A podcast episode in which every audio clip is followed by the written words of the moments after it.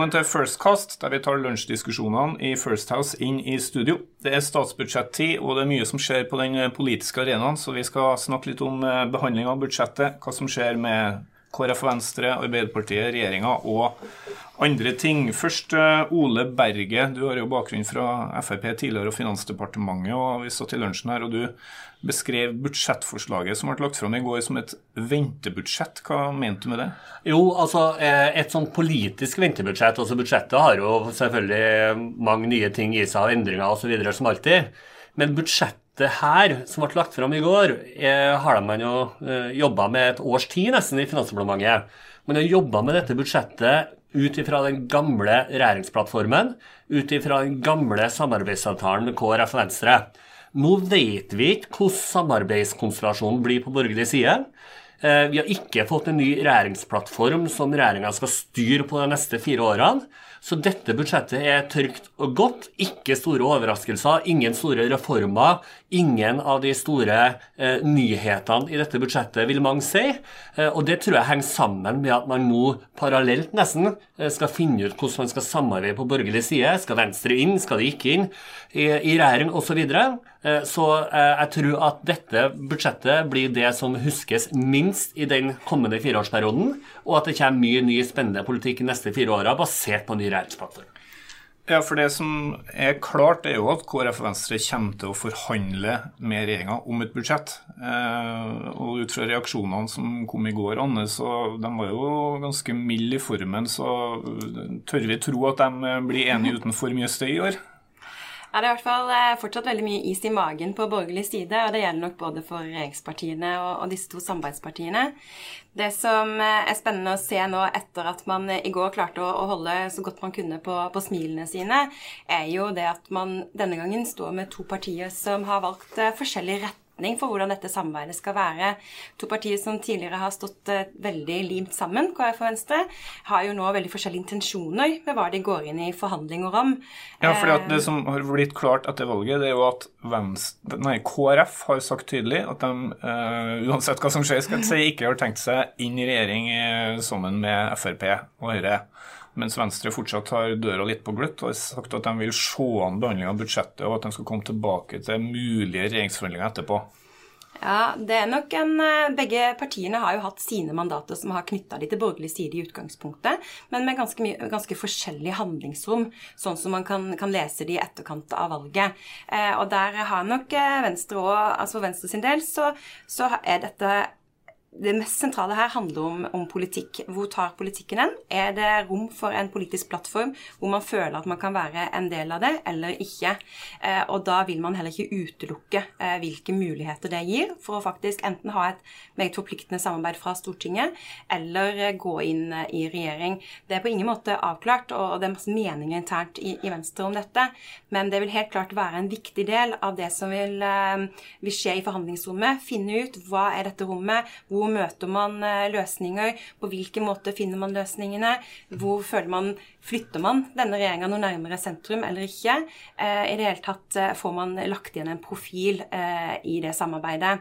KrF derimot har jo, har jo et veldig klart mandat på at de ikke kan gå i regjering med Frp, men har pekt på, på Erna Solberg som statsminister, har sagt de skal samarbeide om, om budsjettet denne høsten her, og vil nok gå inn med intensjon om å, å få mest mulig igjen i, i det kortsiktige løpet hele tiden, eh, og ønsker å ha det som en posisjon i Stortinget inntil eventuelle forandringer kommer fra partiet sin side på, på, dette. Men da må de til landsmøtet, og det er ikke før til våren. Og det, det låser jo KrF veldig mye mer denne høsten her, uansett eh, hva som er ønsket. Men det som er, det som er spennende her, er jo altså Selv om dette er, altså er litt sånn tabloid sagt et sånn pausebudsjett, så er jo behandlinga definitivt spennende i, i, et sånn kontekst av hva som skjer de neste fire årene. Det som skjer på Stortinget med budsjettet nå? Absolutt det vil kun eh, legge et viktig premissgrunnlag også for regjeringsforhandlinger og ny regjeringsplattform, uavhengig om Venstre skal inn eller ikke. Mm.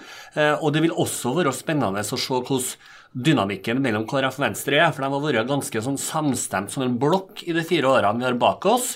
Mens nå har man helt eh, forskjellige perspektiver ja, på, det... på, hvordan man skal få til samarbeidet. Det jo, blir jo ganske interessant å se at den tida hvor man faktisk kunne ha stått litt mer fra hverandre og, og veksla litt på de flertallene, den, det handlingsrommet man mista. Det er først nå man har lyst til å, å gi litt eh, slipp på hverandre. Eh, men det man, eh, det man kanskje kan konkludere med om ikke altfor tidlig, så er jo at samarbeidsavtalen har jo revet og slitt en del i alle fire partiene. Eh, så det er jo ingen som ønsker på en måte å løfte det opp som løsning nummer én uansett denne høsten. Og det gjør det jo ekstra spennende å se hva som kommer i eh, budsjettposter etter forhandlingene, i merknader, og hvordan samarbeidsklimaet blir for alle de som, eh, som ønsker å komme inn med politiske saker. Diskusjonene mellom regjeringa og KrF og Venstre vil altså få føringer for den eh, kommende fireårsperioden. Det blir sånn sett nesten viktigere enn bare budsjettet for 2018. Men det blir jo òg spennende å se hvordan opposisjon opptrer. Eh, de som altså ikke sitter i regjering og ikke hører til KrF og Venstre. Hva, hva syns vi om hvordan det har sett ut så langt i, Stortinget med mottakelse av budsjettet i, i går? Hva syns vi om Arbeiderpartiet f.eks.?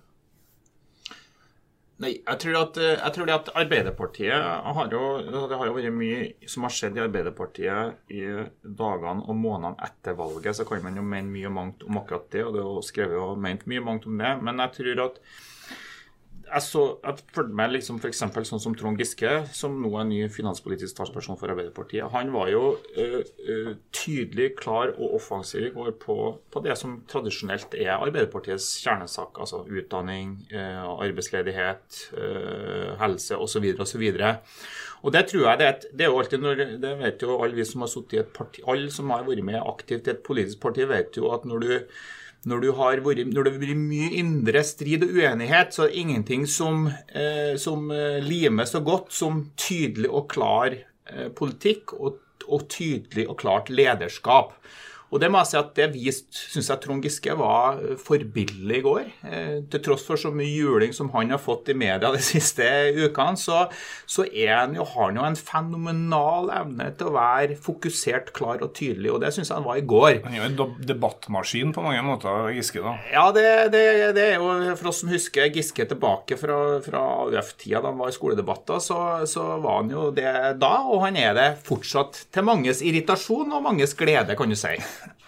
Men jeg tror jo det at det er altfor tidlig kanskje å si noen ting om hvor Arbeiderpartiet beveger seg nå. Eh, jeg tror Arbeiderpartiets største problem er jo på mange måter at de ikke har knekt kanskje høyrekoden. sant? Eh, jeg tror jo at eh, på 2000-tallet så var man jo veldig opptatt av å knekke Frp-koden.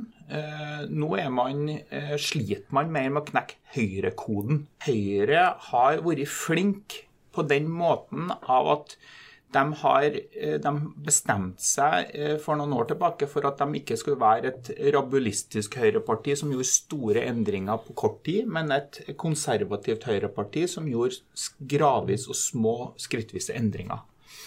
Det har gjort at eh, de endringene som har kommet i politikken, om det har vært på skatt, skole eller andre, på andre områder, de har kommet eh, gradvis og skrittvis. Eh, men det har òg gjort at Arbeiderpartiet ikke i så stor grad har, har klart å fått troverdighet rundt budskapet sitt om at nå går landet i en fullstendig feil retning. Det er rett og slett vanskeligere å demonisere Høyre fordi de eh, fører politikken sin eh, skrittvis? Ja, jeg tror det. Og jeg tror at det som da har skjedd, er jo at uh, altså alle politiske partier er avhengig av motstandere. altså du, du, må ha, Det vet jo alle som sitter rundt bordet her, at du, du, må finne noen som du kan være veldig uenig med. Du må finne konflikter.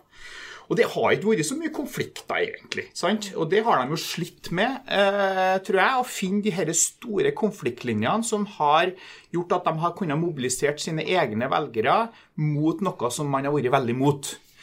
Uh, og, og det, har jo, det, har jo, på mange måter ført til at man har, har, man har knekt helt høyrekoden. I tillegg så har man hatt en statsminister ved Erna Solberg som, som, som, har vært veldig dyktig, og som er en folkelig og, og ikke en, Hun er ikke snobbete, hun, hun, hun, er ikke en tradisjonell eh, høyreleder som kommer fra Oslo vest, men hun er Eh, snakker både dialekt, og det er rotete hjem til henne når, når jeg har pressen på besøk. Uh, og det, det eh, tror jeg har vært vanskelig for Arbeiderpartiet. Helt, de har ikke helt funnet ut hvordan de skal knekke denne koden der ennå. Og det tror jeg uh, at de skal bruke litt tid på å gjøre. Altså, jeg tror, hadde jeg vært sittet i Arbeiderpartiet nå, så hadde jeg ikke gått veldig offensivt til verks. Fordi du har tapt valget, og det må du bare erkjenne. Uh, og da må du være litt ydmyk, tror jeg. Eh, og så, eh, så, må du bruke litt tid på å prøve å knekke denne eh, koden. fordi at hvis de ikke klarer det, så tror jeg de taper valget om fire år òg. Men altså det du er inne på, ikke sant, det er jo at politikk er jo ikke noen sånn statisk størrelse. altså Samfunnet utvikler seg, eh, og da må partiene også fornye seg og, og, og, og utvikle seg. Eh, og jeg tror at du er helt rett i at, at Høyre har klart å utvikle seg de siste ti årene på en god måte. Eh, Frp har også utvikla seg, kanskje spesielt etter at man ble regjeringsparti og man gjør et ganske godt valg. Det viser partier som klarer å eh, tilpasse samfunnsutviklinga på en god måte. Jeg tror ikke Arbeiderpartiet lyktes godt nok med den utviklinga og tilpassinga til, eh, til, en ny hverdag. Jeg tror ikke at, og Mange har vært inne på det, at de klarte ikke å fortelle en historie som folk trodde på i denne valgkampen, f.eks. Jeg tror det er to partier som sliter, eller har slitt veldig med å fornye seg de siste årene. Det ene er Arbeiderpartiet, som ikke har knekt høyrekoden, som du sier, og ikke har klart å, å, å fronte en historie som folk tror på, og som, eh, som gjør at de har fått flere stemmer. Og så er det KrF som ikke klarer å fornye seg. Og så KrF står, De vet ikke hvilken fot de skal stå på. De vet ikke om de er et borgerlig parti, eller et ikke-sosialistisk parti, et sentrumsparti eller et parti som skal støtte Jonas Gahr Støre. Mm. Og når du ikke klarer å på en måte ha en konsekvent tilnærming til å fornye deg sjøl, utvikle ny politikk, tilpasse deg samfunnet, så, så mister velgerne på en måte den tryggheten om at partiet fortsatt er det partiet skal være. Mm. Ja, så tror jeg For KrF sin del at jeg ikke er enig om det med fornying, men jeg tror jo det er egentlig nesten enda enklere. og Det er jo først og fremst at de har vært veldig utydelige. De eh, gikk jo til valg uten egentlig å ha tatt et valg om eh, hva de mente om regjeringsspørsmålet. De, de lata som de, de hadde tatt et valg i å si at de ønska en regjering med KrF, Venstre, Høyre og Erna Solberg som statsminister, noe alle visste ikke var engang teoretisk mulig. Eh, men så holder de samtidig døra litt sånn på gløtt, for at hvis situasjonen skulle tilsi det, så kan det hende at de likevel ikke ønsker en borgerlig regjering osv. Og så, eh, det er nå egentlig så enkelt at utydelighet lønner seg veldig sjelden i politikken. Da. Og det mest oppsiktsvekkende er jo kanskje å se hvordan de har opptredd etter valget. For de har jo eh, ikke vist tegn til å, å, å skjønt at den utydeligheten har straffa seg, selv om tallene er veldig tydelige. De lekker i alle endene. Eh, og de har jo så langt i hvert fall etter valget heller ikke eh, evna å eh, bli tydeligere, da. Ja, og Det er det overraskende. ikke sant? For det, det, vanlige er jo at det er noen partier som, som prøver på en måte å ha en, en, litt sånn holdning i valgkampen om at dette, vi har ingen plan B, altså vi har en plan A, og det er dette alternativet. For KrF sin del så er det Venstre og Høyre med Erna som statsminister. Men de fleste partiene klarer jo på en måte å ta eh, til etterretning et valgresultat og så være tydeligere etter valget. KrF er jo minst like utydelig etter valget som de var før valget. Og det er jo historisk dårlig politisk håndverk, spør du meg. Men det er en annen dimensjon med KrF og Arbeiderpartiet rundt eh, noe av det som jeg tror kanskje er noe av hovedproblemet deres. Det er at når du går i en situasjon nå Det er sagt forklaring, mange forklaringsmodeller rundt både Arbeiderpartiet og KrF sine problemer, men begge partiene valgte å gå til det steget og slutte å snakke om seg sjøl og sin egen situasjon og begynne å sette merkelapper på andre partier. For å lage en polarisering med andre partier, og det man ender opp med å gjøre, det er å sette merkelapper på velgere. Og gjerne de velgerne som egentlig du sjøl skal prøve å favne inn. Det er aldri et bra, utgangspunkt for et parti å begynne å snakke ned velgerne. Det bryter en tillit, og det er eh, veldig, veldig negativt. Hvis vi samler trådene igjen og nærmer oss en avslutning her, eh, hva, hva, skjer framover nå med tanke på budsjettet og, og, de kommende månedene? Nå skal eh, regjeringa KrF og Venstre forhandle eh, i Stortinget. Eh, hva skjer rent praktisk framover? Altså det, det, som skjer nå, er jo at, at budsjettet som sådan ligger eh, til finanskomiteen på Stortinget. Det betyr at eh, det er de eh, fire delvis nye finanspolitiske talspersonene til de fire ikke-sosialistiske partiene, altså KrF, Venstre, Høyre og Frp, som skal inngå samtaler om en budsjettenighet.